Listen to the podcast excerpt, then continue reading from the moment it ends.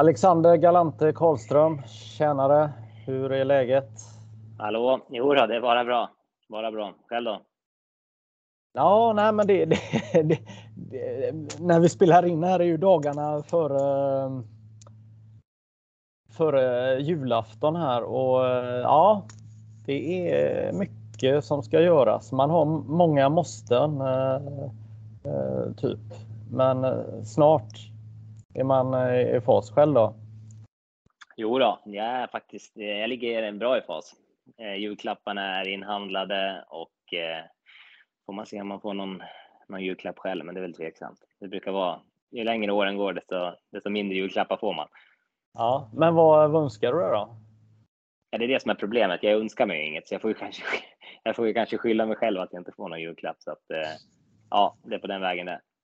Mm. Nej, men jag har faktiskt köpt mig en, en eh, egen eh, julklapp här. Eh, det är två saker som har dykt upp på, på Facebook och sociala medier. Eh, det ena är någon vuxenleksak som eh, både män och killar kan använda som kommer upp som alternativ och det andra är ju eh, ja, raka huvudet. Så. Och nu har det blivit en sån här bra du vet sån man, eh, man, man jobbar med. Vad, vad kör du med förresten? Då? Nu, nu är du, eh, nu har du eh, gått igenom de här, här första året med, eller det kanske är ett par år nu, du har kört rakat. Ja, ja men det är nog, det är nog några, ett par år skulle jag säga. Eh, säga. Eh, jo, men det är någon sån där form som du demonstrerade där. Eh, någon, någon form av, ser ut som typ en boll som man, som man använder väldigt effektiv. Så att den köpte jag, köpte jag till mig själv. Så att jag köper julklappar till mig själv. Och det, ja. det, det brukar bli bäst så, för då blir ja, man ju mest nöjd.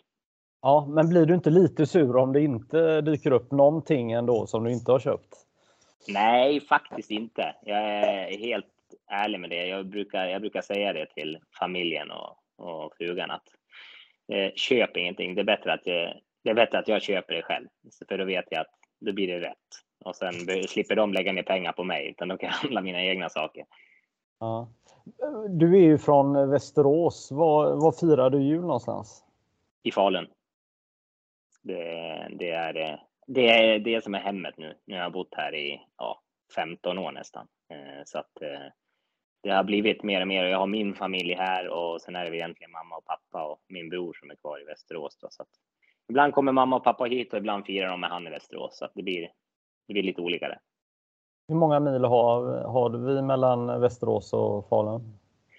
Eh, 14 skulle jag tro, så att det går ungefär på ja, men drygt en timme och 20 minuter ungefär. Så att det, det är ett bra avstånd skulle jag säga. Ja, ja men det, det, det låter eh, kanon. Eh, jag var inne på Wikipedia och kollade eh, till det här. Eh, professionell innebandyspelare sedan februari 2010.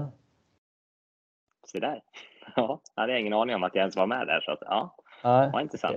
Ja, nej, men det, det är det är ungefär så länge som eh, IBF Falun har varit ja, ett lag att räkna med. Ja, jag hade, jag hade förmågan eller känslan att komma precis när det var, när det var i rätt tid. Så att, eh, det, jag har varit med på hela resan kan man säga. Mm, exakt. Eh, det är väl hur ska man säga, barn som växer upp idag, de, de tror att Falun och exempelvis eh, Manchester City alltid har varit eh, toppen, bäst.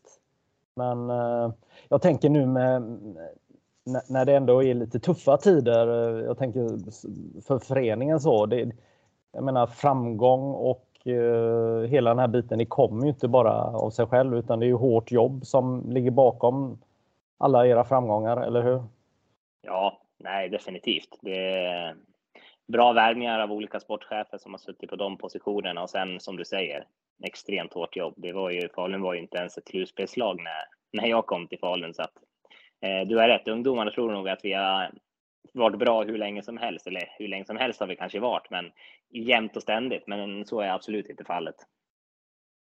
Nej, men vad var det du eh, såg med, med, med Falun då när, när du valde att flytta och, och, och spela med Falun?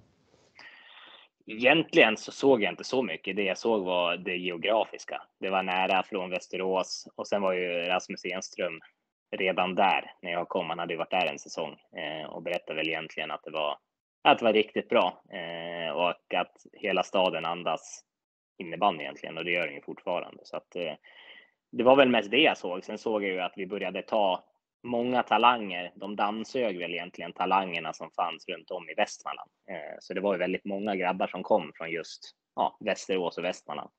Så att eh, då hade man rätt många kompisar som kom och så hade jag redan en kompis som spelade så att valet var rätt enkelt.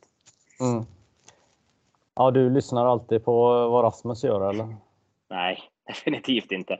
Men den här gången hade han, hade han eh, en bra grej så att eh, jag hakade på den här gången. Ja, men han har väl en annan bra grej? Schweiz?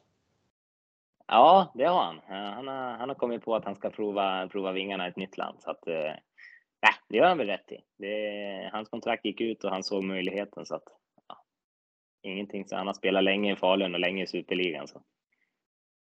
Ja, jag sitter ju här och killgissar i Göteborg här och försöker eh, låtsas som att jag vet mer än vad jag vet. Men jag har ju sagt att du kommer ju också spela i Schweiz eh, förr eller senare.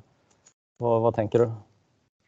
Eh, nej, men du är väl inte helt fel ute. Det är väl klart att jag har funderat på de, på de, eh, på de, ja, tanken, på den, på den resan jag också såklart. Jag har spelat i Superligan rätt länge, i Falun väldigt länge, så att eh, det är klart att jag funderar på det, men eh, jag har, jag har ett mål och det är hemma-VM nästa år och eh, jag har ett år kvar med Falun den här säsongen. Så att, eh, en grej kan jag säga, det blir inte Schweiz nästa säsong, så mycket kan jag konstatera. Okej, okay. varför inte då? För att jag har kontrakt för Falun och det bryter jag inte. Nej. Inter intressant. Uh, du, du skrev, uh, jag vet inte om det var på Instagram eller vad det var, men du skrev uh, vill du fortsätta lyssna på hela avsnittet? Det kan du göra som Innebandymagasinet Plus-medlem. Logga in på innebandymagasinet.se